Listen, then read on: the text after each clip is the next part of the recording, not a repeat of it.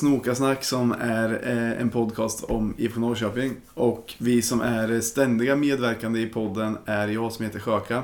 Myra. Och Basse. Och idag har vi eh, för andra gången i eh, poddens historia en gäst. Och det är eh, Jansson som jag, jag tror man får beskriva dig som spindeln i nätet för Norrköpings klackkultur va? Får stå för dig. Nej men du har varit med väldigt länge i alla fall. Ja, absolut. Eh, och du har väl alltid varit ganska, ganska in, vad ska, vad ska man säga? Du har ju varit ganska involverad i vad som händer och sådär. Yes. Ja. När, eh, vi, vi kan börja med att prata bara om när, när eh, du började klacken och sånt. Det kan vara intressant för det är väl rätt länge sedan. Ja, alltså. Det är väl liksom svårt att liksom säga där och då. Men man gjorde ju sina gästspel från kanske de här stormatcherna mot Göteborg 91-92. Eh, men som så ung så... Hur gammal, hur gammal var du då? 9-10. Ja. Eh, så då kan man väl mest säga att man var där och tittade på eh, klicken. Men vad var det som, eh, som drog från början eh, som gjorde att du blev intresserad? Ja, alltså det var ju att farsan tog med mig på fotbollsmatcherna. Den vägen är det ju. Ja. Eh, sen så har ju supporterkulturen blivit det som har varit det drivande och intressanta genom åren liksom. Men hur var det då, då på den tiden med klack? Vad, Alltså, vad, vad menar du med klicken också? Nej, jag, Klicken vet du väl? Ja. jag tycker det var kul att göra en parallell bara med ord som florerar nu för tiden. För då, Ah, var, då, då okej, var det ju okej. verkligen hela berget. Eh, vad heter det? Läktaren var ju nybyggd för VM. Det Ja. var 19 000 någonting på parken. Och eh, då var ju hela klacken verkligen 20 personer. Okej. Så då var det ju verkligen klicken. så, men, men, eh, men sen växte det väl fram lite så här och sen från 95 där kvalet mot Gais och där, sen dess har man ju stått konstant i klacken. Den matchen, eh, guys, hemma 95 var väl ändå lite... Det Vad- fanns vad väl ändå för- en halv... Då var väl ändå ett par hundra i klacken. Jag har för mig att jag sett gamla klipp från det, att det var lite... eh, Nej, jag tror, nej, alltså som jag kommer ihåg det så var det väl 50-60 kanske. Okej. Extremt upprörd över att uh, Gais-klacken fick ju stå eh, mitt på östra läktaren. De var väl en 200-300 i och för sig. Ja, För att när man det. gick till matchen då, eh, vi hade ju ett kompisgäng från Djura Klingsberg som gick. Så när vi kom upp mot eh, idrottsparken så hörde vi liksom sång så här.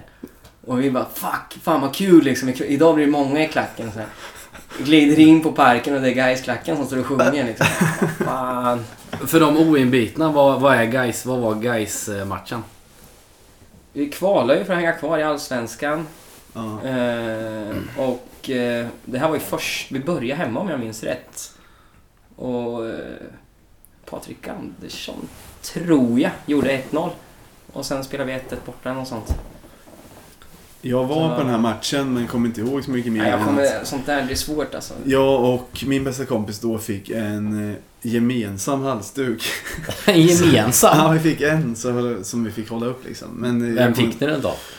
Någon av våra föräldrar, eller båda. Jag kommer inte ihåg. Vi var både jag och farsan och, och hans farsa. Ja, okej. Men jag kommer inte ihåg något annat nästan från den matchen. Då var jag bara åtta eller någonting. Vem tog hem den sen? Hade ni delad vårdnad eller? Ja, det, var nog, ja, det var nog hans. Det kanske var han som fick den och jag fick vara med och hålla upp den. Jag kommer inte ihåg så mycket. Men... Ja, okej. Var, var det Edof eller? Nej, nej, det här var en annan. Ja, okej. Eh, som jag har bra kompis med när jag var liten. Men hur, sen då? Hur var det med, med klacken framöver? Nej men alltså det var ju tufft. Ja. Eh, det hände ju inte speciellt mycket under eh, några år. Eh, Billy och Dennis kämpar ju på och de här runt omkring dem. Det är många liksom som var riktiga eldsjälar på den tiden. Och eh, jag kom ju med i Peking Fans styrelse 98. Mm. Eh, och då så blev det ju första storsatsningen där var egentligen Elfsborg borta. ja, just det. Den, Då rullade ju tre gratisbussar. Ja. Eh, och där någonstans så börjar det väl att, hända grejer. Mm. Var de gratis på grund av sponsorer eller Peking-fans? Nej, eller? det var sponsorer. Sponsorer, ja. Men det var ju sista matchen 98. Sen Ja. körde vi ju gratisresa till Djurgården borta i premiären 99. Eh, Den, den var, blev jävligt stor var jag för mig. den blev ju stor. Ja. Hur många bussar var det då? Det var ju 10-11 bussar. Jag tror, jag tror Posse var inne på det när han gästade er också. Mm. Och sen Örgryte, eller ÖIS, eller vad vi mötte eh, omgången efter hemma, då var det ju bara 100 i klacken igen. och, och där fortsatte ju arbetet liksom och det, och det började bygga. Men då fanns det ändå, man såg ändå att det fanns någonting. Det fanns en grund, det fanns någonting. Norrköping har ändå ett underlag för att det ska kunna bli en, en, en klackkultur. Men, men det, det är ju fortfarande det här, folk, folk pratar liksom, ja men jag kommer när ni har blivit 100 pers. Ja fast om du kommer nu så kanske vi blir 100 pers. Ja, precis. Det där är ju rätt Eh. frustrerande den inställningen. Men den är ju kanske lite naturlig att folk har den också. Men Ja, och sen, sen kom ju den riktiga boomen. Eh, då körde vi gratisbussar igen Ja. till något som vi ska till snart, Örebro. ja. Eh, det var premiären 2000 va? Ja. Och där kommer sen eh, riktiga startskottet för eh, kommande utveckling. Men jag skulle säga att den, eller jag var ju inte involverad på det här sättet då, men eh, hösten 99 var väl också på ett sätt ett startskott för, för eh, klacken, var det inte det? Ja, alltså det blev ju positivt eftersom att vi höll på att åka ur på sommaren va? Ja, Jag tror vi hade så här 11 poäng när vi mötte AIK borta. Eller något sånt här. Och sen så drog vi väl en 7-8 raka vinster eller någonting. ja och sen tänkte jag på att det var, det var ju några höstmatcher där med Alltså mycket folk, det var ju så här Hammarby hemma. Ja, Malmö du tänker hemma. så. Ja, Alltså det var ju Det var ju några stormatcher där som Ja, just det. hände jävligt coola grejer. mm, ja, ja, Hur, ja. hur var stämningen på de eh, matcherna kontra idag? Ja men då till exempel, Hammarby hemma, då, då kan väl du berätta om, för det var väl, då hände väl Peking Fans första liksom, eller Peking Fans, men Norrköpings första pyrotifo. ja, alltså. Den matchen var jag på, kommer jag. Jag också. Ja. Det var så det här kan nog, som du säger, mycket väl ha lagt grunden till att det blev så bra mot Örebro sen eh, året efter. Mm. Eh, men nu för tiden så är det ju inga liksom... Peking Fans skulle ju aldrig arrangera bengaler idag. Nej. Eh, här var det ju Peking Fans som arrangerade. Och, Det kanske till och med var, alltså, var det, Alltså, det här var lite ju- uttalat eller? Eh, nej, det var det nog inte. Men det var ju ganska roligt för att eh, vi träffade ju... Eh, de ville ju ha stämning. Ja. Och det var liksom Hammarby skulle komma på besök. Peking Fans vill ha stämning. Nej, nej, IFK Norrköping. IFK Norrköping vill ha stämning. Ja, ja. Och eh, de ville ju ha liksom för Hammarby skulle komma och de kommer ju många och eh, ni vet Ja. liksom hela den grejen. Eh, så då hade vi ju ett möte med Tommy Wiesel och Roger Ekström. Jaha. Där de liksom... Som, ja, men, eh, som var... Vad, vad var de för något? Tommy Wiesel måste ju varit någon... Eh, han måste ju varit klubbdirektör då. Jag tror det, eller någon, någon men det måste ha motsvarande varit. den posten. Och Roger vet jag inte exakt vad hans position var då, men eh, styrelsen kan jag tänka mig. Ja. Eh, och... Eh, så de... Vi kom ju överens på det här mötet. Ja, men eh, ni kör bengaler. Var det de som kom på det eller var det... Alltså, det, det är ju några år sedan, men vi, vi kom nog fram till det Var genom det de som röjsade för bengalerna också? Nej, det gjorde de ju inte eh, faktiskt. Eh, Men vi fixade ju fram bengalerna och vi fick ju liksom ta in dem snyggt. Och, Hur många? Det var, det var nog närmare hundra tror jag. Men hur menas med att ta in dem snyggt? Alltså... Hade de sagt åt vakterna att... Nej, det tror jag inte. Eh, Men det var ju enklare på den tiden liksom. Ja, Det var inte, alltså... Då så smugglade vi in hundra bengaler i säcken med megafanan. ja. Det var ju liksom inte så här några avancerade grejer. Det var ju bara att flaggan var ju mycket, mycket... De borde ju tänkt på att den var väldigt tung i jämförelse med alla andra. Men menar du att de, att alltså klubben då om man säger, de gjorde allt som vanligt men hade gett grönt ljus Ja. ändå till att köra bengaler? Ja, ja. Grejen var ju dock att efter matchen så var ju de mer lyriska än vi. så liksom, ni måste göra om det här mot Malmö hemma. Och vi bara, vad fan mot Malmö? Det, det var ju typ en, en eller två omgångar bort. Ja. Ja, ja ni, ni måste köra igen. För, för de som inte kommer ihåg bara så var det ju att det var väl typ 100 eller mellan 50 och 100 megaler längs med hela Ja, längst- läktaren. längst ner, ja. Och det var ju, det hade ju aldrig varit något, alltså på parken hade det aldrig varit något så fett tidigare liksom. Nej, nej. alltså långt ifrån. Det var ju folk som, eh, vad heter det, skrev efteråt och sa att eh, eh, Bayern-fans hade tagit över långsidan och, och sådana här grejer. Jaha, ja. Men Så- var, var, det var så oväntat. Så, Ja, det var väl, verkligen oväntat. var, det, var det förbjudet på den tiden? Fick, fick IFK några böter? Ja, det var förbjudet men man fick 10 000. Ja, okej. That's it. Och du kunde inte bli avstängd eller något så här. eh, Så... Och, och om man, om, så som jag kommer ihåg det på den tiden så var det ju, det var ju förbjudet av fotbollsförbundet. Men det var ingen som tyckte det var dåligt. Alltså ingen annan tyckte egentligen att det var dåligt. Utan så på, i TV och så så filmade de ju bara och pratade bara liksom Ja, ja. att det var fan vad coolt det hela långsidan, alltså sådär. Men nu är det lite annorlunda. Nu är det där typ det värsta som kan hända. Men då Ja. var det ju bara coolt liksom. Men vad hände sen då med Malmö? Nej men de var ju så lyriska så det var ju bara så vi sa det, okej då. Vi, vi, vi gör det väl igen. Men, men eh, vakterna brann ju ändå lite för att stoppa liksom att det kom in. Ja. Men sen så försökte de inte göra så himla mycket när det väl kom in då så att mot Malmö så vart vi stoppade i visiteringen. För vi gjorde likadant. ja. Eh, och då vart det så här, "Jaha, nu kom det inte in. Så då såg jag ju Roger Ekström gå där bakom läktaren. Så jag springer ju... Roger, Roger, eh, hur ska vi göra nu när bengalen inte kom in? Kan vi ta in och... Du kan ju inte prata med mig om det här! Nej, nej, okej då. Det gick ju bra igår. Så eh, då smugglade vi in bengalerna ändå via kioskerna, kioskpersonalen där. Ja, de tog dem inte. De sa bara de här får ni inte ta in. Nej, jag sa ju det, men då går jag och ställer dem på våran lokal. Då gick vi därifrån Nu ska du sitta inne på tio år om någon tagit Så då klättrade vi över staketet eh, in. För det var som på gamla Östra så var det ju som nödutgångarna var ju typ där. Mm. Med, med kioskerna och så. här. Så då Ja. klättrade vi upp där och släppte ner dem i kiosken. Och sen in på arenan. Men vi valde att inte dela ut dem sen då. Ja, okej. Varför Eh, det då? För att- Det vart för tätt på match. Ah, okej. Eh, Så det hade inte blivit bra. Men då också på Hammarby hemma, åtminstone då så var väl alla som hade bengaler var väl helt omaskerade och alltså Ja, du blev ju inte... Alltså du, du kunde aldrig få någon personlig böter. Du kunde inte bli avstängd. Eh, alltså det värsta som skulle kunna hända är att du blev utslängd från den matchen och, och så Ja. sa de att ja, välkommen nästa gång. ja, det sågs ju egentligen bara som en festlig grej. Ja, Men som man inte var tillåten liksom. så var det. Så då valde vi istället att spara allt det där och så körde vi det i sista matchen hemma mot Djurgården. Ja, Eh, och då så eh, smugglade vi in allting på morgonen med en bil. Mm. Men Som- smugglade ni ut allt först?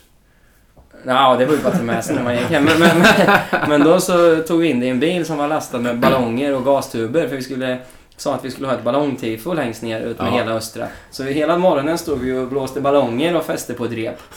För syns skull, För eller? syns skull, ja. Och vakt, vakterna gick ju där fram och tillbaka liksom. Men det var bara för att kunna stå längst ner utan att det skulle verka konstigt. Ja, ja, ja, precis. Så, så, så delade vi ut alla bengaler liksom och det. Och, och sen så stod vi och klippte bandet där så bengalerna flög upp, eller ballongerna flög upp menar jag. Ja. Och sen så eh, körde vi bengalerna. Och då var det så att då koncentrerade sig vakterna på de eh, på typ ett tiotal som stod längst bort på Östra. Ja. Så de var ju utslängda. Ja. Och de bara, varför får inte vi se matchen så här? Nej men ni har tänt bengal. Ja men de andra eh, 65 stycken då? Ja. Ja fan det är sant grabbar, ni får gå in igen. Trevligt ändå. Ja. Men de, de, de, de ballongerna kommer jag ihåg att det var verkligen alibi-tifo. för Det var inte så fett. Men, Alltså det var inte så cool grej när den där Nej, nej det var... Men eh, cool, bra pyro. Det var snyggt. Men det, alltså det här Hammarby hemma, jag, för jag var ju på, jag hade alltid gått på IFK med farsan och farfar. Men då så hade vi, i alla fall så som jag minns det innan så var det lite att man bara hängde med och jag brydde mig inte så himla mycket egentligen om eh, Alltså man var halvintresserad och hängde mest med för att farsan skulle gå. Men då stod jag på berget den gången och jag kommer ihåg att jag tyckte det var så, för då om det här var 99, då var jag, skulle fylla 12. Eh, och jag tyckte det var så jävla coolt mot de här bengalerna mot Hammarby hemma. Alltså väldigt, väldigt coolt. Vad, Eh. vad tyckte din far om det? Coolt också tror jag. Fast han kanske inte brydde sig så mycket egentligen. Men eh, jag tror han tyckte det var rätt häftigt. För det var ju oväntat också. Men... eh, Och farfar tyckte sånt var häftigt. Han, gillade, han försökte alltid lyssna vad klacken sjöng fast han fattade aldrig det. Men frågade alltid mig så här, vad sjunger de nu? Men i alla fall.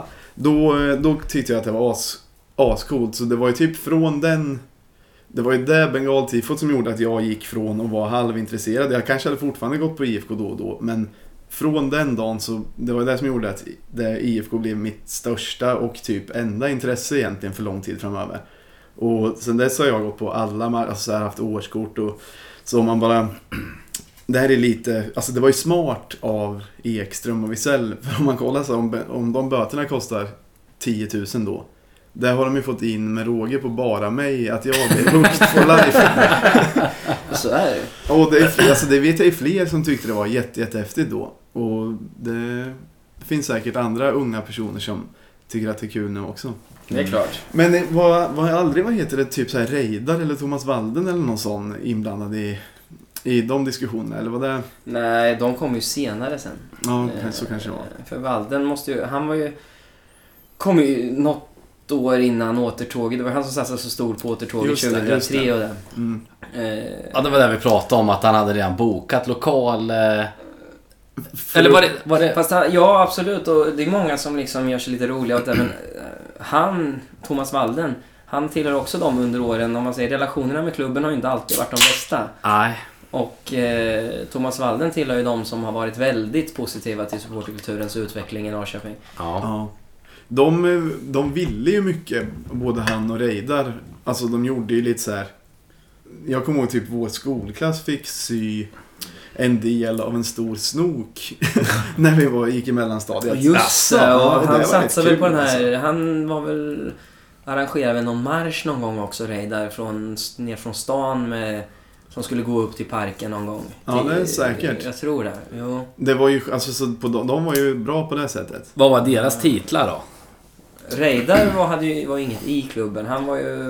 Han känns bara- som en riktig tårtgeneral. Ja, Norrköping, Norrköpings entreprenör kanske. Ja, ja. Visionär. Ja. Sådana personer är härliga. Walden, han eh, borde varit... Jag vet inte vad han kan ha haft för roll då, men marknad eller någonting. Mm, Ja. Det borde ha varit det. Jag kommer inte ihåg men... Men ja, så de... Men nu, när har det varit som...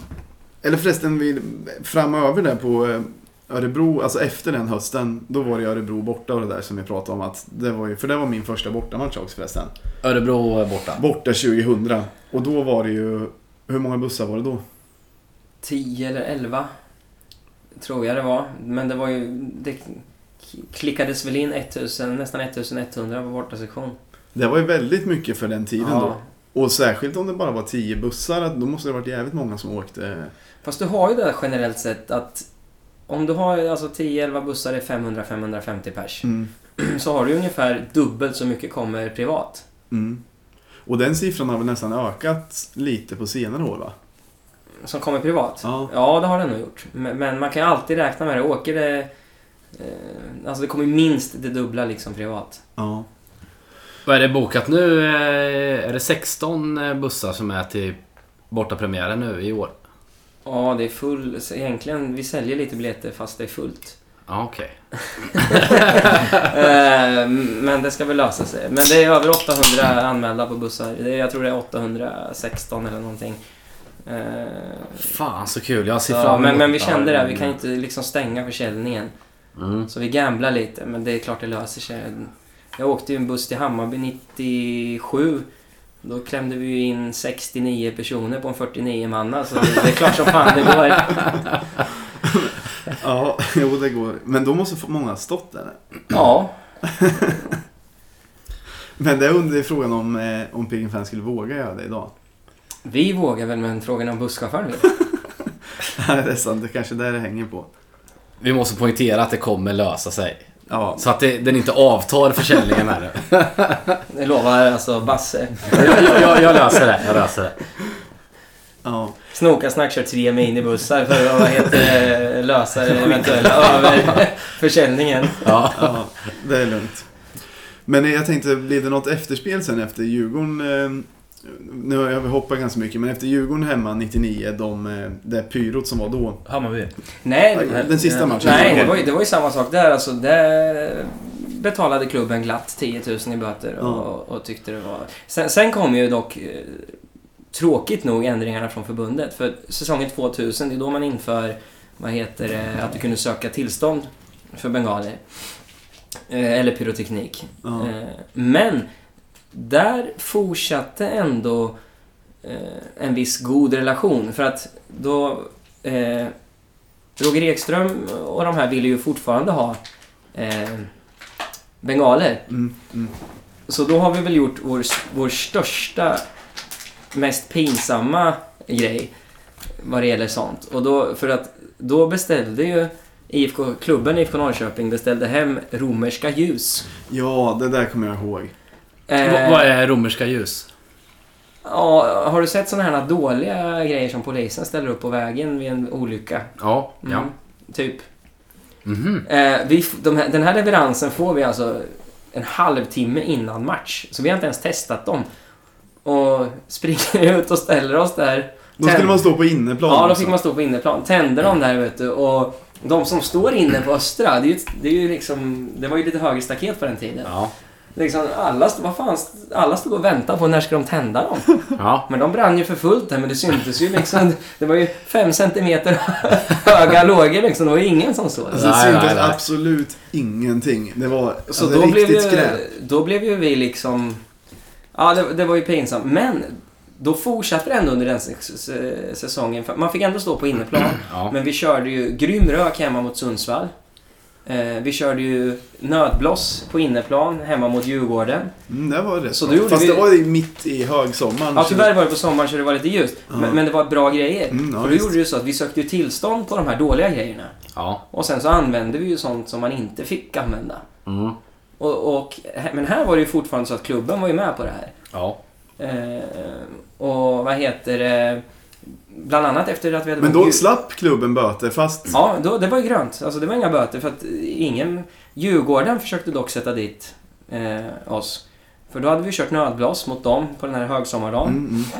Och på eftermötet så kommer alltså någon form av eh, vakt eller något säkerhetsgubbe i alla fall. Från dem- deras sida? Ja, från deras sida. Han har ju alltså gått bort till våran sida och eh, tog med sig brända bengaler. Men det, Inspekterat typ. Ja, Va? fast han gjorde ju bort sig för att han visste ju inte vad vi hade gjort. Eftersom att vi hade ju gjort upp med klubben att allt det här skulle bort. Mm. Så vi hade köpt såna här...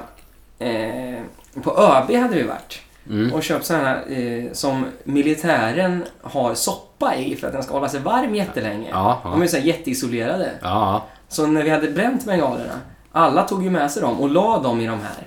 Ja. Och de blev ju väldigt varma men de gick ju fortfarande att bära. Ja. Så de bar ju vi ut till en bil bakom läktaren Ja. och körde iväg. Ja. Direkt när det var använt. Ja. Så att ingen skulle se Så att ingen det skulle var se att det var fel. Precis. Ja, precis. Så Så de var klubben med på det här också? Jajamän. Eh, Men de här bengalerna som han kom in med, de satt ju till och med gräs fast på. Och det är liksom så här gammalt gräs och grejer. Ja. Det var ju riktigt gräs på planen då. Ja. Eh, och, och då sitter de där på säkerhetsmötet och så säger ju representanterna från IFK, ja fast du vet väl om att de körde bengaler i höstas? Och om du tittar på dem där så gräset borde ju inte suttit fast på dem, det skulle väl ha brunnit upp va? Ja, precis. Så han fick ju liksom stå där med byxorna ner och erkänna sitt misstag. Det var nice. Men, men då undrar jag, eller förresten vad var det som fick, eller liksom när ändrades den här inställningen då? Från, alltså, för det där låter ju ganska smidigt att man kan göra snygga grejer utan att det är alltså, olagligt. Fast det kanske var det lite grann då. Men eh, Det var ju inte tillåtet men det kostade ju som sagt då 10 000 eller som då när det blev tillstånd, eh, det kostade ingenting. ja, Eh, Men det här är väl... Förändringen skedde väl där med eh, alltså tillstånden. För de här tillstånden tillät ju bara skitgrejer. ja. Och det är klart att folk förstod ju att vi inte använde rätt grejer. ja, jo, det och, kanske de gjorde. Och det var väl där som i längden liksom dödade hela grejen och sen fick liksom Ja, jag vet inte, alltså klubbfolk och sånt och, och ändra Men, åsikt. men eftersom du sa att du tyckte att eh, till exempel Walden och Roger Ekström var bra och att de gjorde bra grejer. När, för jag upplevde...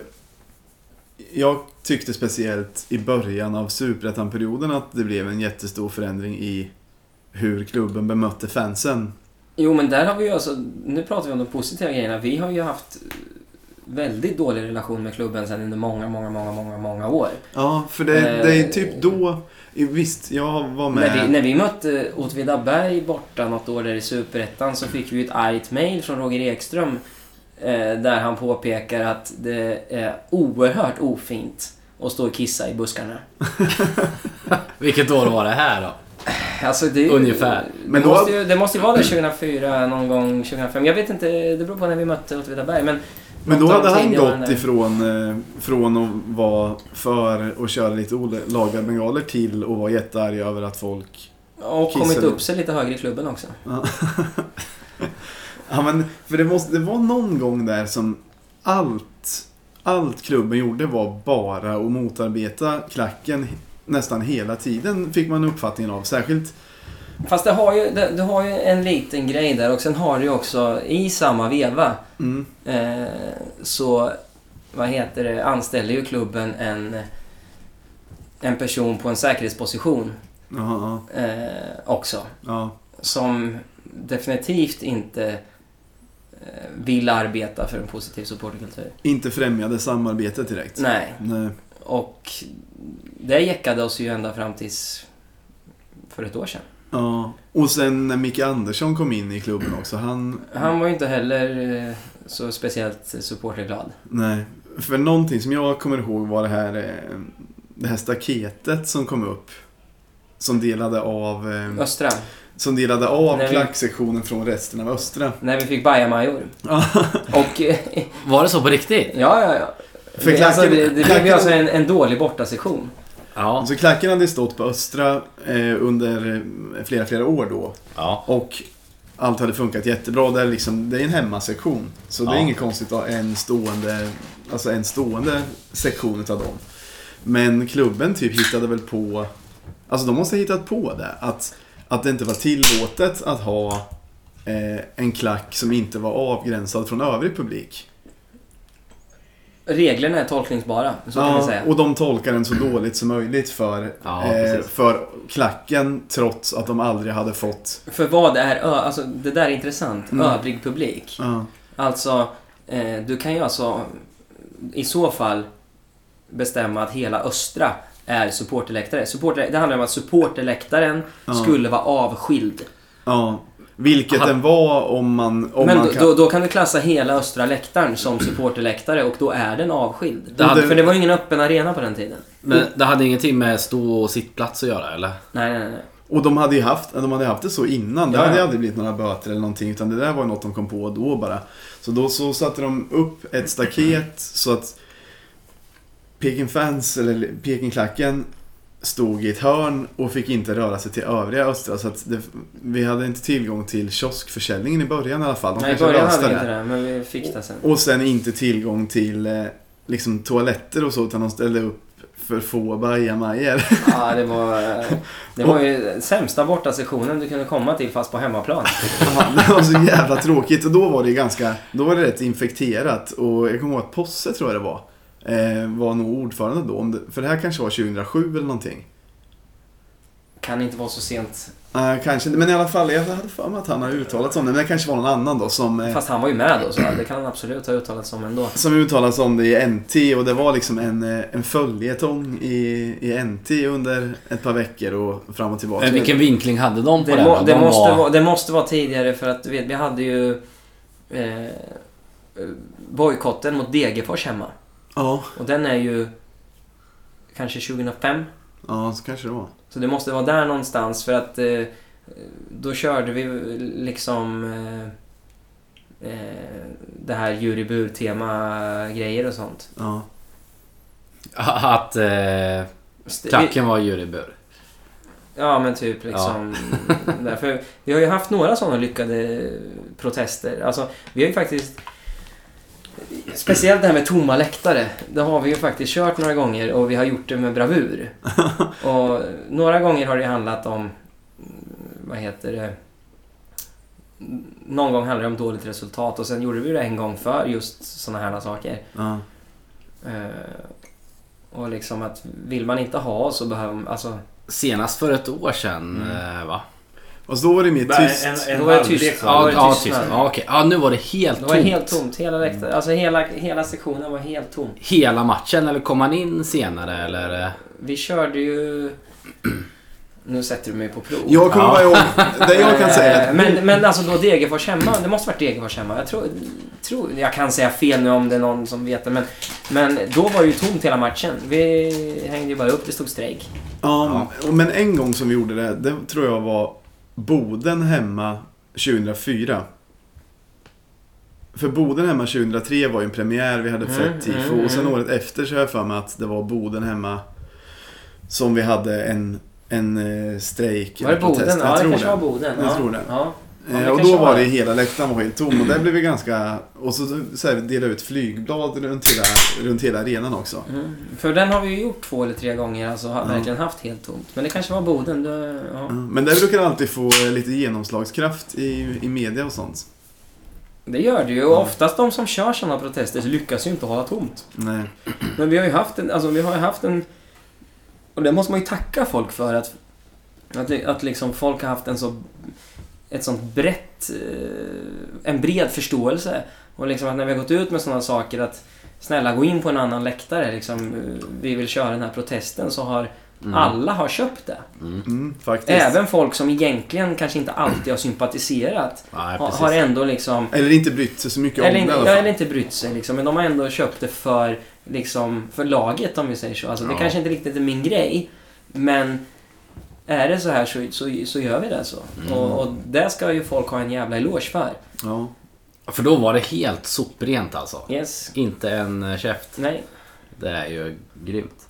Finns det några andra roliga schismer som, för nu tog jag upp det här med staketet. Kommer du ihåg någon annan, alltså som du, som du kommer att tänka på? Något annat roligt tjafs som har varit eller så här, något, något bråk med, mellan klacken och klubbledningen? För sånt, alltså det har Alltså, ju varit många men det är svårt att komma Alltså ihåg det var ju, alltså med den här säkerhetspersonen Ja, så följde ju mycket skit. Och ja, hon lyckades ju få många i klubben med sig. ja. Eh, och så, så att bland, på, speciellt i Superettan så var det så här, var det dåligt väder kunde man ju få stå under tak och så här. Eh, då åkte vi ju till Café Opera. Borta. Mm. Kommer dit, sista matchen för säsongen, lite glada i hågen. Startar väl ett nyårsförverkeri utan dess like utanför. Ja. Vi skulle ju stå på under tak för att det regnade. Eh, säkerhetsapparaten blev ursinnig. Eh, det kan ju inte... Det här var, jag tror jag har avhandlat det här. Det var innan eh, ni gick in. eh, Ja, det var innan vi gick in. Jag, Jag har faktiskt nämnt det här en annan gång i podden Okej, jag. alltså det var ju fantastiskt. Och det roliga nu kan vi inte återge det här men allt finns ju på videofilm. Ja. Hela samtalet med säkerhetsapparaten finns på videofilm. Det, det är Och bevarat idag. och bevarat. Det, det, är, det är magiska minuter alltså. Så då, då Men hur ungefär hur går samtalet? Du behöver inte säga exakt vad som sades men är det liksom om jag skulle se den filmen nu, skulle jag skratta åt säkerhetspersonen då eller? Ja, det är en väldigt banal situation så absolut. Alltså det, det är helt galet. Så, då, då, men summa summarum är ju att vår privilegium att stå under tak rök ju. Ja. Så, så vårt straff blev att stå ute i regnet. Och det drabbade även folk som inte hade haft något med det här att göra. Hela borta sektionen blev ute i regnet. Alla fick stå i spöregn. Hon hade dessutom ringt eh, polisen. Så efter en kvart så Ja. marscherar in ungefär 25 kravallpoliser med sköldar och grejer. Mitt i regnet. Mitt i regnet. Och de går här och, och man ser på dem när de kommer in så här. eh, Liksom. Vad fan Då är är det de, här? ja, men först är de liksom marscherar in så här snabbt och liksom nu jävlar ska vi agera. Så, och det, det var ju en sån här löparbana runt så det var en Ja. stor jävla oval att gå runt. Ja. Så när de börjar gå där så kommer de ju längre och längre ser man när de går saktare och saktare och bara tittar där. Så det slutar med att de tar ju ett varv runt bakom oss, runt arenan liksom och sen går ut igen. Nej. Det är så här, vad ska vi göra åt några så här, något folk som står där i regnet i bara överkroppar. Alltså Ja. de måste undra vad, vem det, vad det var för dåre som hade ringt dit dem. Ja, det var... Ja. Men, men det är ju roligt så här i efterhand. Men, Men det måste vara roligt att se det också live eh, när de tar det där ärovarvet. Det hade jag tyckt var asroligt att se. Ja, Fast man, var man, rätt arg man, blir, alltså. man blir frustrerad. Det fanns ju inget toapapper på, eh, vad heter det, bajamajorna där heller då. eh, för att tanken var att vi skulle ha varit på eh, sittplats. Nej. Så jag fick ju, vad heter det, använda mina kallingar.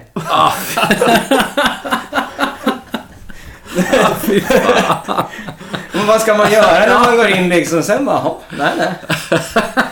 Hade Och- absolut inte tillgång till Och, och, och sen skulle man gå en andra gång fick det vara t-shirten. Det var därför så många var så, inte hade t-shirt på sig.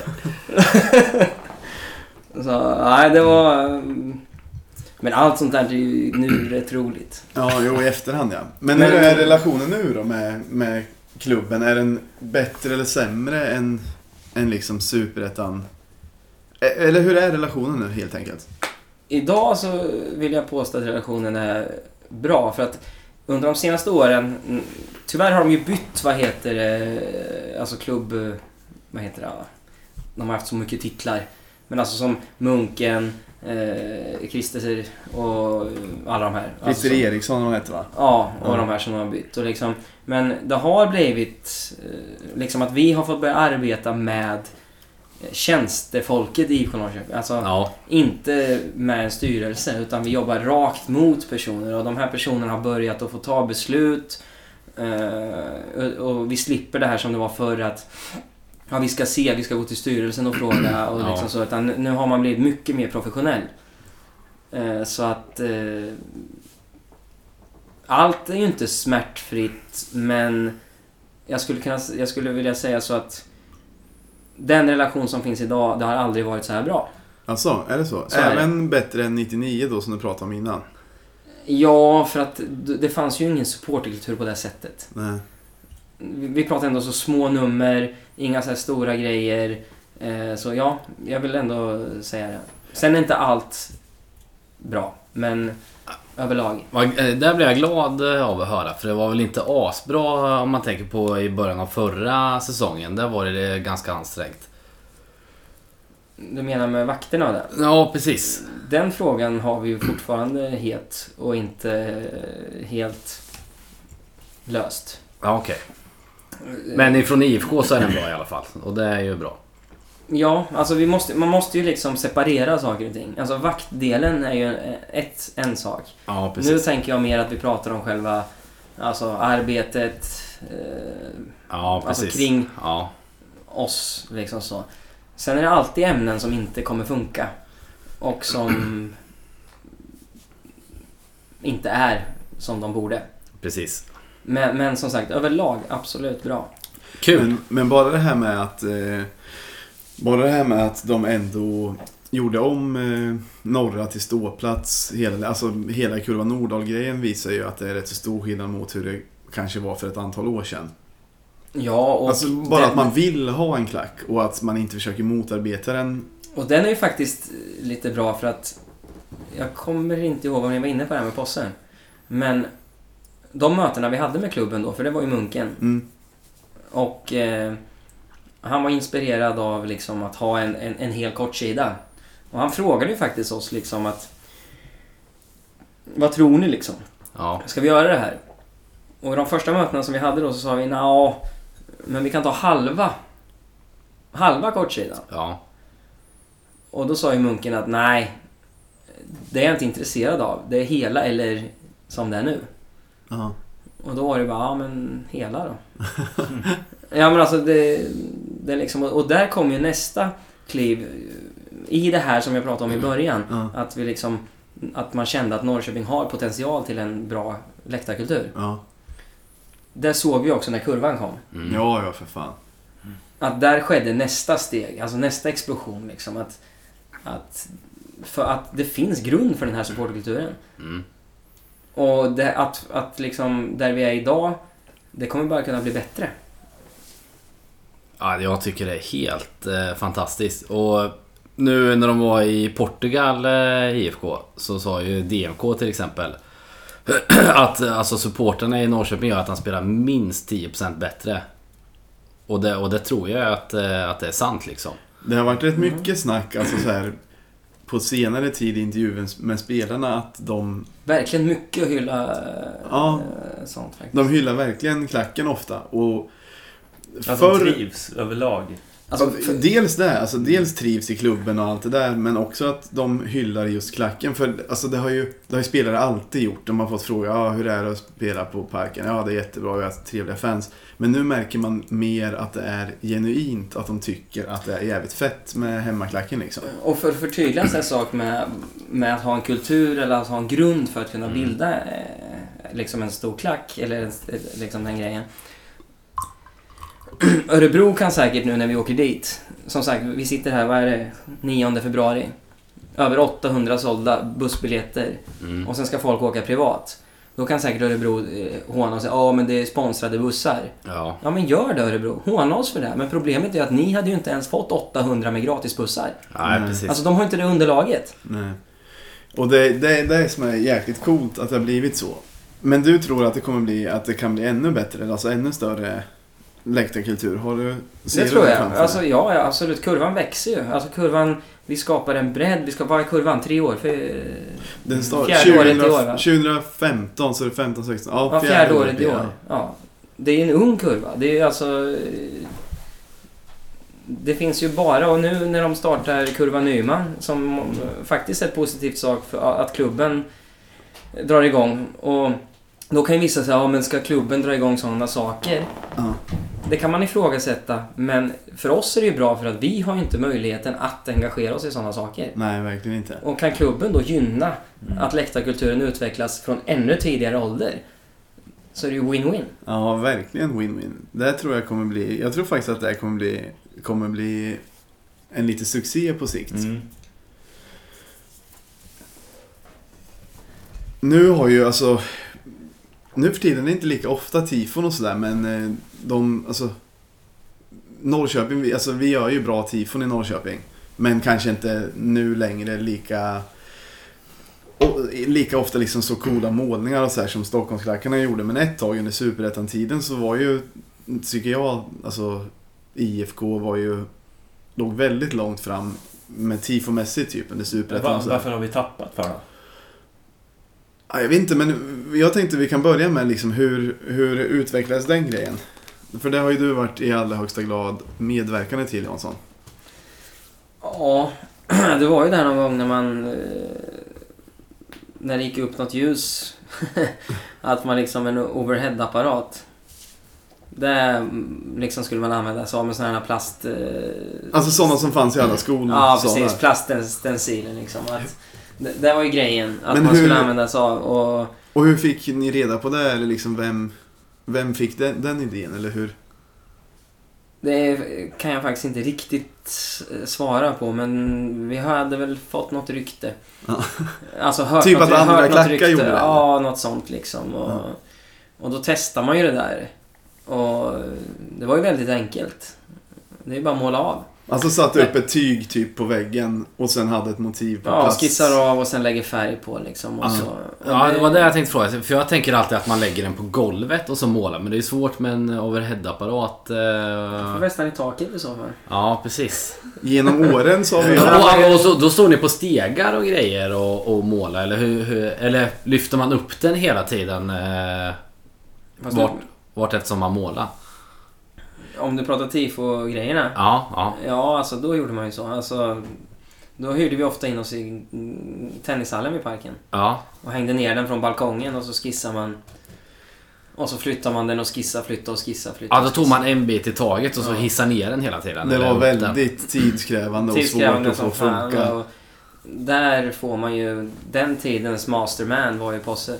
Ja. Eh, han skötte ju såna här grejer på den tiden. Ingenjören. Ja. Han, eh, han Så- fixade ju så att allt Så liksom att allt pass- blev rätt liksom. Vi andra fattade ju ingenting. Vi ritade ju bara. Ja. Sen var det att lägga ut det och målat och bara åh fan det blev som det såg ut. ja. Men då i början, det här då när vi började göra sådana grejer i tennishallen, det var ändå kanske 2003 eller Ja, någonting. det hade gått ett tag. Men hur var det från början då? Vad... Nej men då upptäckte man ju oh, att det gick att måla. vet. Då blev ju folk helt tokiga. vet. Vi målade ju smurfarna och Bamse och allting. vet. Allt Ja. man kom över skulle ju målas. Folk tog grejer från serietidningar typ? Eller? Ja, ja. Det var helt, det var helt galet. Vad, vad målar man på för material? ja, på tyg. Då var det alltså som... Eh, Och hur fick man tag i sån här stor tygduk? Men då var det, när vi pratade Då om nu, två pins och sånt pratar vi om nu. mindre flaggor Ah, okej. som kanske var under... Det kanske var år 2000 eller någonting. Eller i slutet av Ja, 99 ja det är nog... Nej, det, må, det är ju 2000. 99 existerar ju inget sånt. Så Nej. 2000... Alltså premiärgången för tvåpins i Norrköping är ju hemma mot Göteborg, en sommarmatch. Ja, Då pratar vi 0-0 eller 01. ja. Jag är osäker faktiskt. Och då var det en mängd tvåpinsflaggor som det var olika sorters seriefigurer Och på. Ghostbusters och det var Ja. Turtles och det var... Ah, fy fan. Alltså, det är så här som folk eh, skulle skämmas för idag, men man måste ju se det till historien. Jag, jag hade trivts Det men jag tror att det kan komma tillbaka nu. Det är ju liksom, vad fan, man måste, man måste se, alltså, man, man måste, marknaden. allt, allt måste tas till den tid när det var. För det var, ju, det var ju få grejer då på de flaggorna som, som var IFK-relaterade. Alltså det var ju, ibland var det ju bara en Turtles till exempel. Ja, och Bamse med bengal och eh, vad heter det? Eh, lite sådana grejer. Eh, my- mycket intern humor också, Ja. Faktiskt. Eh, som inte existerar idag. Alltså, så, eh, ja det var spännande. Det var ju på ett sätt mindre seriöst då också överlag. Alltså nu är ju alla klackar ganska självmedvetna. Ju. Ja, absolut. Alltså så här, och, Mm. Men då var det lite mer att man kunde göra vad, som, vad man tyckte var kul och alltså det var inte riktigt på samma sätt. Nej. Nu är alla så här övervak alla klackar övervakar ju varann så om någon gör något pinsamt så här, hugger ju alla på internet och hoppa vad fult det där var. Alltså så här, Ja. Då var det mer att alla tyckte, då Alltså- kanske folk tyckte det var coolt. Ja, då kanske det var mer att andra lagsupportrar kunde kontakta och skriva ja, coolt att ni hade så många tvåpinsflaggor den här matchen. Typ. Och det hände inte nu. Oavsett vad det var på dem. Ja, mer eller mindre. Jo men så var det ju alltså. Jag, för de som har varit med så kanske de, det finns några som kommer ihåg Global Tifo.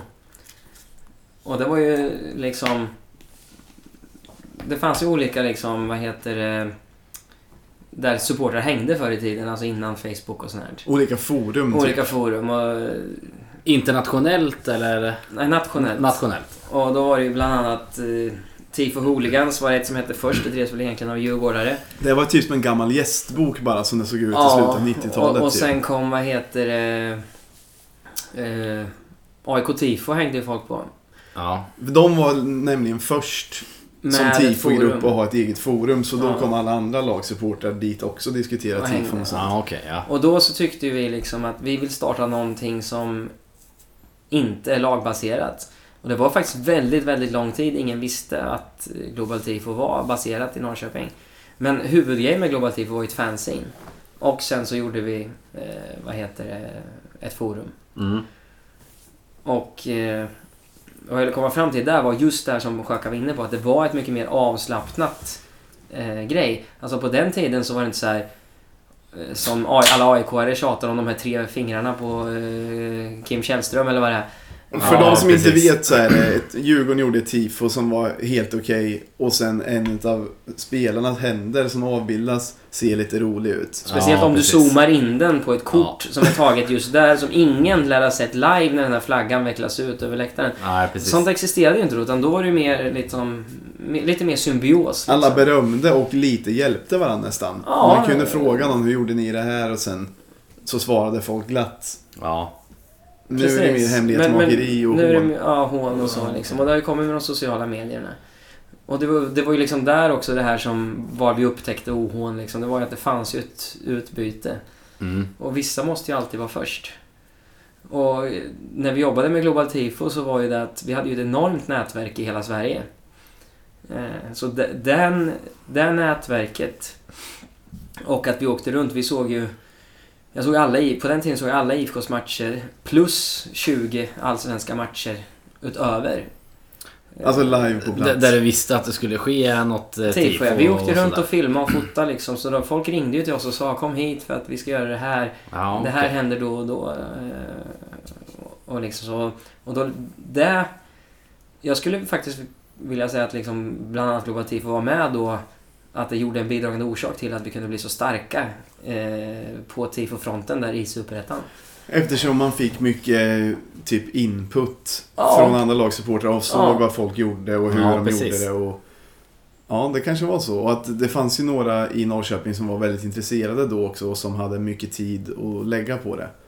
Ja, Så det här var ju kanske 2003, 2004, 2005 som det var väldigt stora tifon för. Särskilt om man tänker på att, det, att IFK spelade i Superettan då hade inte så mycket folk och inte så mycket pengar att röra sig med. Men det var väldigt snygga målningar och så här stadssilhuett över hela Östra och eh, Sankt, eh, Sankt Olof i liksom så här sådana smala plaststripes fast målade varje enskild så att det bildade ett stort en och det stor var, väl, stadsvapen det var liksom. väl där jag ville komma till. Liksom, att vi gick från Bamse till, eh, vad heter det, Sankt Olof på eh, Stripes. Ja. Och allt är ju målat med samma OH. Den OHn eh, har jag ju faktiskt sparat. Den första Piggen Den Fan. första OHn, den finns kvar. Den ska aldrig kastas. Alltså, och vad var det på sa vi? Det är en sån här stor jävel eh, som stod i klassrummet. Alltså själva maskinen Ja. liksom. Jaha, nu är jag med! Overheaden är sparad. Overheaden, ja. Ja men nu är jag med, nu är jag med. Jag trodde du liksom- menade själva bilden eh, var sparad. Nej, nej, nej. Ja, det, mycket stenciler finns sparat också i och för sig. Ja. Det där, så där gör bara en riktig samlare. Men det är ju classic. Det är ju liksom, Ja. vad fan, det är vår historia. ja. Men det där vore någonting för något jubileum att dra fram Ja, den där gamla overheaden och, och göra Skulle gjort det på PF 20-årsfest nu egentligen då. Dragit fram den, kört lite så Ja. här gamla eh, sköka här. Ja. Eller Peter som jag vill kalla honom. Eh, jag har faktiskt gamla foton när vi målar eh, med den här OHn. Tifot hemma mot Hammarby 2002. ja. När de hade tagit sitt guld. När vi målade den här snoken som ska äta upp eh, eh, Hammarbyarn. ja. Och så har vi målat 12 eh, eh, von Rosen och en Lennart Johansson och så står det väl typ, jag kommer inte ihåg vad det står, men en gång, ingen gång eller något sånt här. ja något, eller 12, eh, Något sånt. 12, 1. Den Ja. OHn finns också sparad. Ja. Det var den första overheaden som vi hade målat på tyg. På då. tyg, ja. Ja. Den finns sparad. Jag hade velat ha den som halvtids-tifo uppe mot Bayern i år, men det... Måla dit en extra pokal bara. Ja, vi får göra det. Eller ska jag ha plus ett? Men, men de här tygbitarna, de, de finns inte kvar eller? Alltså själva, själva tifot? Just den. Den Den, finns den, den finns kvar, men finns det kvar andra? Det finns en liten kartong Ja. eh, med de med några utvalda av de första två pinsen som gjordes. Resten är slängt. Men Ja, okej. det finns en liten, liten kartong med eh, kvar. Det där kanske också kan eh, under något, något jubileumsår kan visas få upp i en, visas upp på läktaren någon gång. Mm. Lite det trevligt. lite... kanske en utställning typ på Arbetets Ja. museum när Peking Ja. Fans fyller 50. Ja. Ja, Trevligt. ja. Känner vi oss klara eller är det någon som har något, något mer att ta Eh, upp? ja, eh, vi snackade om tatueringar förra podden. Jansson. Har en och annan eller? Ja, några stycken. Du, Det, det, det är inget bildmedium här tyvärr. men- ni som inte ser honom framför er och inte har sett honom i kalsipper. Men det har jag och då, du har väl, måste nästan ha tatuerat i alla fall 80% av hela kroppen. Om, du har ju inte i huvudet och halsen och inte händerna. Men annars är det väl det mesta. Ja, rätt mycket.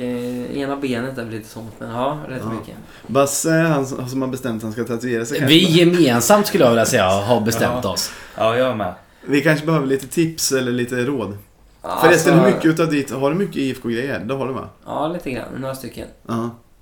Eh, lite Nordahl och lite Janne Hellström och lite... Lite IFK överlag och lite Ultras och lite så ja. Ja. Men... Eh, den stora misstaget man gör eftersom att jag lyssnade på eran... eh, För övrigt eh, den enda podd jag lyssnar på. Eh, Vilken eh, ära. ja, kanske. Men, men, men eh, inte för litet. Alltså det, det traditionella felet man gör när man går och tatuerar sig det är ju att man gör något alldeles för litet. Nu som sagt går det inte att förmedla bild här men min första tatuering var eh, Peking-fans på underarmen. Eh, vilket var för litet. Det är den gammaldags loggan, eller det kanske aldrig har varit en officiell var- logga heller. Jo, det, det var ju första loggan. Alltså, Okej. Den här klassiska som var på en vit t-shirt och så stod det med, med två blåa ränder och så stod det liksom Peking Fans på. Yes. Eh, och den är ju för liten. Men nu har jag löst det med att bygga in det i massa annat. Ja. Men, så det första problemet man gör ofta är att man gör det för litet. Men jag tänker att man kanske bara vill testa först med en liten. Då får du testa Och på foten eller något. Och sen kan man bygga på. Så du, du menar om man ska sätta till exempel på bröstet ett klubbemblem eller en stjärna så kommer man ångra sig om man gör en liten där. Ja, det är tråkigt om du går runt med flugskit liksom. Men jag tycker nästan att det är snyggt. Men alltså sen om du gör ett klubbemblem, det är klart du kan inte dra ett klubbemblem. Alltså du får inte göra en blaffa. Nej. Utan du måste ju... Inte för litet och inte för stort och ju större det blir, bygg på det. Ja. Jag tycker nästan att det är snyggare när man ser att folk har gjort lite i taget än någon som har gjort en hel sleeve direkt. Det ser för... Det ser för gjort ut. Jag vill ha det lite mer kladdigt. Eh, Man ser så här, okej den där kom kanske först och sen den, sen den. Men ändå att det blir som en helhet i slutändan. Ja, det kan jag väl hålla med om. För sleeve, det var ju något som kom med sån här TV. Ja, precis. Ju, jag, jag vart ju utsatt för det här på jobbet när det kom en så här bara Ja fan, eh, du har gjort så här två sleeves, vad kostar de? Jag stod och tittade på det. Ja. Va? vad menar du? Så, ja men eh, du har gjort två sleeves. Ja. Jag fattar inte att han menade att det var hela armarna. Nej, precis. Vad sa du då? Svarade du? Nej, alltså det var ju lite tyst en stund och sen bara jaha, han bara "Ja, men eh", och då fattar jag ju så här, ja jag vet inte. Alltså det är ju... Ja, för jag tänker att man börjar och sen...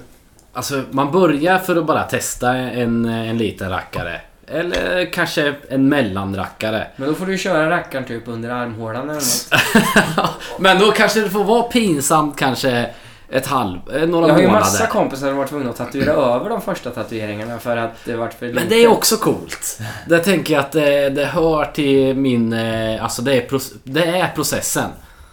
Jag tänker att det tillhör. Men- Men ju, ju större man gör desto mer har man ju att leva upp till också. Ja, precis. Precis. Då, man pressar sig själv och, Och så- blir... Men så du vägrar ta råd från någon som har tatuerat sig i, i 20 år? Men du, det, det, det jag förklarar är väl lite så som du har gjort.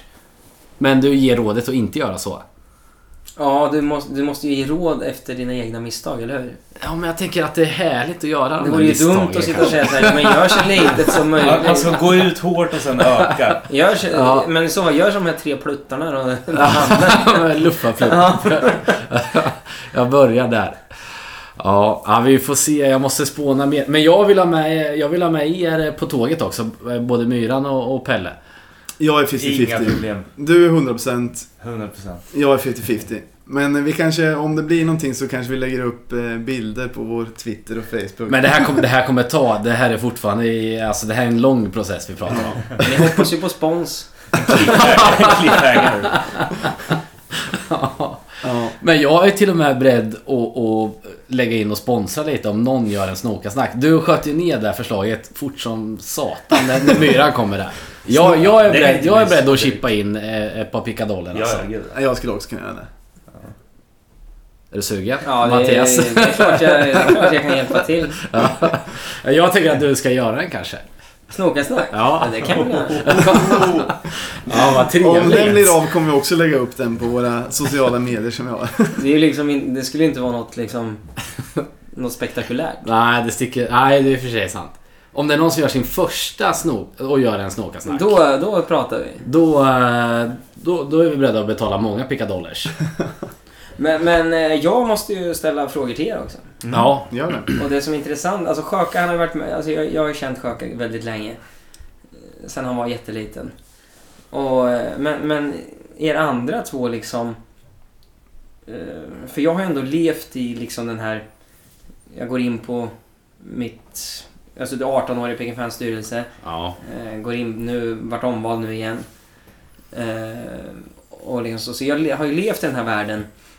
Ni som står utanför. Mm. Alltså om vi tittar på Norrköpings supporterkultur. Hur, hur ser ni på den? Ja, om vi ska börja med någon slags historia så... eh, Jag lärde känna Sjöka under gymnasiet. Och sen i början så lockade han med att det var lite kul och lite bärs och grejer. Så att jag var ju på nästan mer bortaresor än eh, hemmamatcher bara för att det var lite fest eh, egentligen. Jag fick lite full. Ja, precis. Ja, men det var ju så det började. Och, och sen, det kanske eh, var 2007 eller någonting, eller 2006 eller något sånt där. Ja, precis. Ja, eh, liksom ettan, tvåan, trean gymnasiet. Och sen liksom bara liksom... Sen blev det ju bara mer och mer och mer. Så, att, så från början var det inget seriöst överhuvudtaget. Så att... eh, Och sen började det vara lite hemmamatcher man tog in det och innan. Det var liksom trevligt. Det började inte vara världens fest utan det bara... En öl och lite trevligt och lite gemenskap och hela den här biten.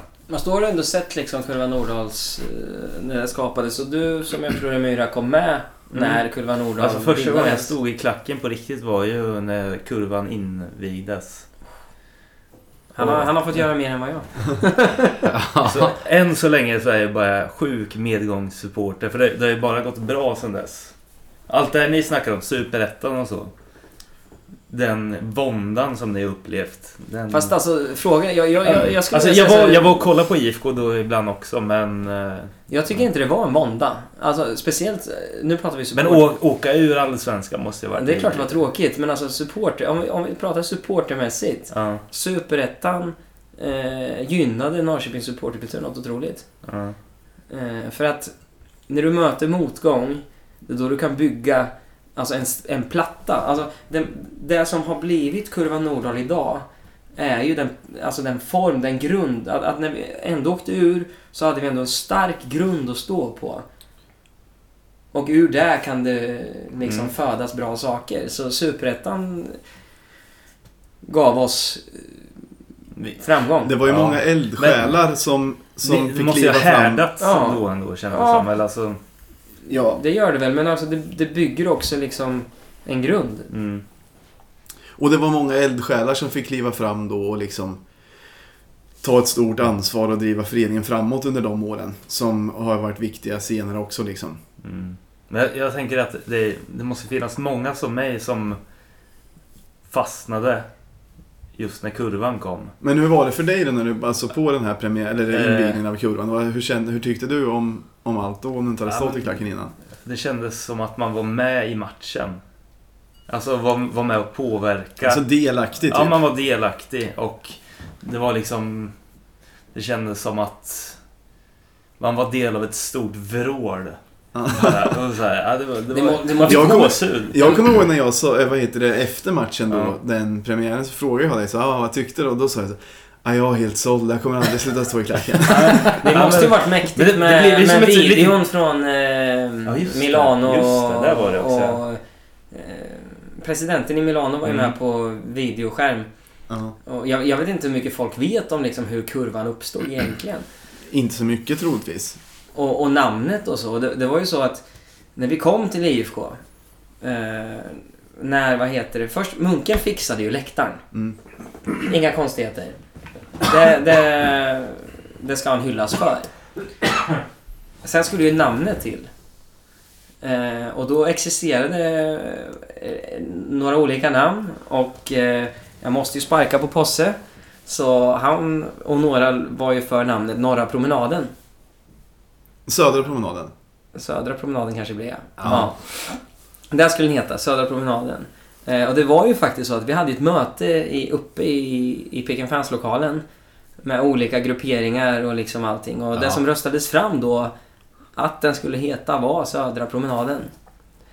Ja, det var egentligen eh, klart egentligen. Ja, klart och klart, men alltså vi var ju några som var sjukt missnöjda med det här namnet. Ja, Så vi sket ju i det och nej, det här är Kurva Nordahl. ja. För det var ju faktiskt, det var ju Och en, det är ju faktiskt, vi vet faktiskt, än så, faktiskt fortfarande inte vem det var som skrev det första gången. det var, jag vet att det var ett nickname på Go Peking Ja, precis. som, som kom på det, men jag vet inte vem som den skrev är. den. Och den nappade vi upp då och eh, det här mötet som sagt var vi inte nöjda med så vi sket i det och så sa vi Kurva Nordahl. Det blir Ja. det. Ändå. Och eh, nu kan inte Posse vara här men jag vet ju att han idag säger att bra, bra ja, gjort. Ja, Ja. Eh, och klubben var ju inte heller med på det. Eh, klubben sa ju att nej, det kan vi inte ta. För att vi vet inte hur familjen Nordahl skulle tycka och, och sådana saker. Nej, precis. Så vi ringde ju upp eh, Thomas Ja. och liksom sa så här, "Ja, men fan vi vill döpa läktaren till eh, Kurva Nordahl. Eh, vad tycker du om det? Och hans svar var väl typ, det var ju Kilman som skötte det, han sa väl typ att jag är extremt hedrad. Ja. Och sen har vi, såg vi då, sen fick vi ju Thomas att komma till läktaren och klippa bandet. ja, just det. Eh, och, Ja. vi fick, och han gav ju också mailadressen till eh, de här mail, mailanfolket. ja, just det. Så Kilman skrev ett mail dit ner. Liksom så här, han kommer inte få svar. Kilman var dåvarande Ping Dåvarande Fans ordförande i and Fans, ja. Ja. Och bjöd in dem till matchen. Ja. Problemet var att matchen var under påsk. För att först så svarade de att de skulle komma. Ja. Mm. Men sen så är de ju ganska eh, troende av sig. Katolska. Ja, Ja, så eftersom att det var påsk så kunde de inte komma. ja, just det. Så där, men då spelade de in en videohälsning istället. Mm. Ja, det var ju väldigt Ja, häftigt. Som, eh, som spelades upp då. då. Och, eh, och redan innan matchen så hade ju tidningarna tagit upp Alltså börjat kalla läktaren för Kurva Nordahl. Mm. Så egentligen var det inte jätteklubbat utan det bara liksom Ja, från- från Piggen- smed- från Piggen prångla ut den Från Piggen Fans liksom. håll var det ju klubbat. Ja. Men IFK tyckte inte att den skulle kallas det. Och, och liksom eh, och så. Men sen så blev det ju att alla tog det och idag tycker IFK också att det... Ja, För- nu, nu för sitter det, den ju. Från början var det väl så att Peking Fans tänkte att så här, okej, även om det inte döps så officiellt så kan vi ändå sätta det så i folkmun. Ja, vi skulle kalla det så. Mm. Ja, ja, vi sa ju det också att det spelar ingen roll om, om den heter Hyresbostäder eh, läktaren. För oss är det Kurva Nordahl. Mm. Mm. Men jag tror att allt det där, den, den invigningen som blev och att det blev ju, eh, i och med att det skulle komma liksom Thomas Nordahl och hälsning från, från eh, Milan och allt det här. Då, jag tror att det gjorde att det blev lite extra, extra liksom, vad ska man säga, hås kring Ja, ja. den här invigningen och att det Mm, blev mm. extra mycket folk och att folk var kanske extra taggade på att det skulle vara en Ja, klackläktare. det blev ju en jävla håsen. Och det gick Ja. ju igång och det var ju fullt med folk och grejer. Och det, Ja, men det kändes viktigt. det var Ja. ju viktigt liksom. Det var ju en av mina, eh, av olika anledningar, de som vet de vet liksom. Men jag fick inte gå på fotboll på den tiden. Och liksom, eh, en av mina största grejer var då, tänk om, alltså det- klacken växte. Ja. Det var full kurva. Det var världens drag. Det var liksom det här man har tänkt på hela jävla eh, livet. Att det här vill jag vara en del av. Min största grej var, tänk om det dör innan jag får komma in. ett och ett Det halvt... hade ju inte varit omöjligt. eh, Nej, nej, och grejen för att ett och ett halvt år efter att kurvan Ja. eh, bildades Ja. fick jag kliva in hemma mot Elfsborg. Ja. Och liksom kommer in där, eh, är med hela matchen, kommer är helt lyrisk. Och det är hur bra som helst. Folk bara, nej det var inte så bra idag. Nej. Liksom, det var så här, det var det bästa jag sett på parken. Det var det bästa drag jag varit med om någonsin. Det var liksom så här, det här är kvalitet. Alltså det här, fy fan vad bra Ja. det var. Men det kommer jag ihåg, för du, jag såg ju dig då lite från några meters håll. Och då såg jag att du var helt lyrisk. Och sen kom ni fram efter och sa så Fan det här, det här har jag drömt om i så Ja, och så ja, många det- år. Och då, jag var väl en av de som sa det. Jag tyckte det var ganska kass stämning. Jansson, ibland kan man se dig på läktaren och du står ju bara och myser ibland. Ja, men det måste Eh, vara- ja, men man alltså- ser att du... Fan, Fast, det här är fast nice. det gör jag också. De, Ja, det, ja, absolut. Ibland så är det lätt att bli bortskämd. Och det är lätt att bli så här, fan vilket dåligt drag det var idag. Det var si och så mycket folk och eh, det borde varit bättre. Men man får stanna upp ett tag ibland och tänka att så här, herregud vilken resa eh, Ja men alltså du får ju, klacken du har får ju, gjort du på bara några tänka år. då, precis som du säger, du får ju tänka då på när vi var liksom 36 pers hemma mot Västerås.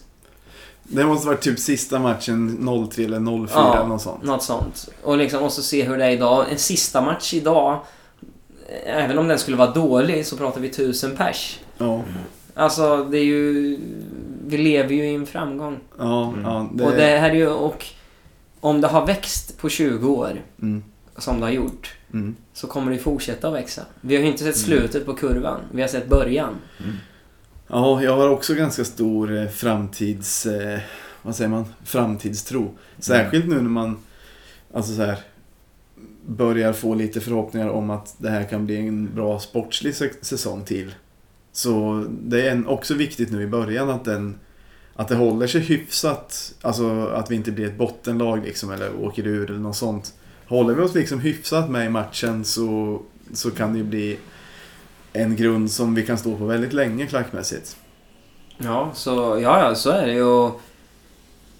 Men vi har ju liksom ökat årskortsförsäljningen på kurvan något enormt. Mm. Om du tittar på en dålig match på Parken. Mm. Var, alltså om, om, om du tittar procent, procent, procentuellt sett. Mm. Var står folk? Ja, det är ju där såklart på kurvan. Alltså har du 5000, 6000 på en match. Ja men du har 2400 på kurvan. Ja. Ja, visst fan är det så. Det är, det är sant. Och det är så du vill ha det. Alltså, ett gammalt lag som... Eller gammalt lag, jag vet inte om de är gammalt lag, men som man alltid tittade på i tifo-kretsar var ju Pisa. Ja, just det. Och de hade ju liksom 7000 på matcherna och 5000 i kurvan. Det var typ en full kurva och sen mer eller mindre helt tomt på resten av arenan. Och för mig får De jättegärna... hade inga sponsorer alltså. För mig får jättegärna parken vara tom så länge kurvan är full. Mm. Ja, he- hellre det än, än tvärtom. Ja, ja. Så det är liksom så, så man ska tänka, det är så det ska vara. Ja. Så folk borde ställa sig på kurvan. Det finns ju allt folk. Ja. Och alla är välkomna. Det är det som är så härligt. Det är ju alltså en uppsjö av olika personer. Mm. Och nu när, nu när klackläktaren är så stor så kan man ju välja att stå vart man vill. Vart man vill, ja. Och det här är fina. Du har, du har kidsen. Du har eh, de som är lite så här... Alltså Klubb 33. Du Ja. har Pekingsystrar. Klicken. Du har Klicken. Du har Bengalbrännarna. Du har Flaggviftarna. Du har farmor och farfar. Och du har liksom hela Mm. grejen. Eh, och alla trivs, alla har sin plats. Eh, det är väl att svära lite och säga, men det är väl den så kallade Bajen-kulturen inom situationstecken. Ja. ja. Fast på riktigt. Ja, ja. Härligt. Ska vi mm, avsluta med de orden? Men det tycker jag. Och att vi tackar eh, Jansson jättemycket för att han eh, ställde upp. Ja, det var trevligt att ha det här. Det kanske kan bli fler gånger om du vill. Ja absolut. Ja, men då avslutar vi där. Ja, tack. Tack. Herra.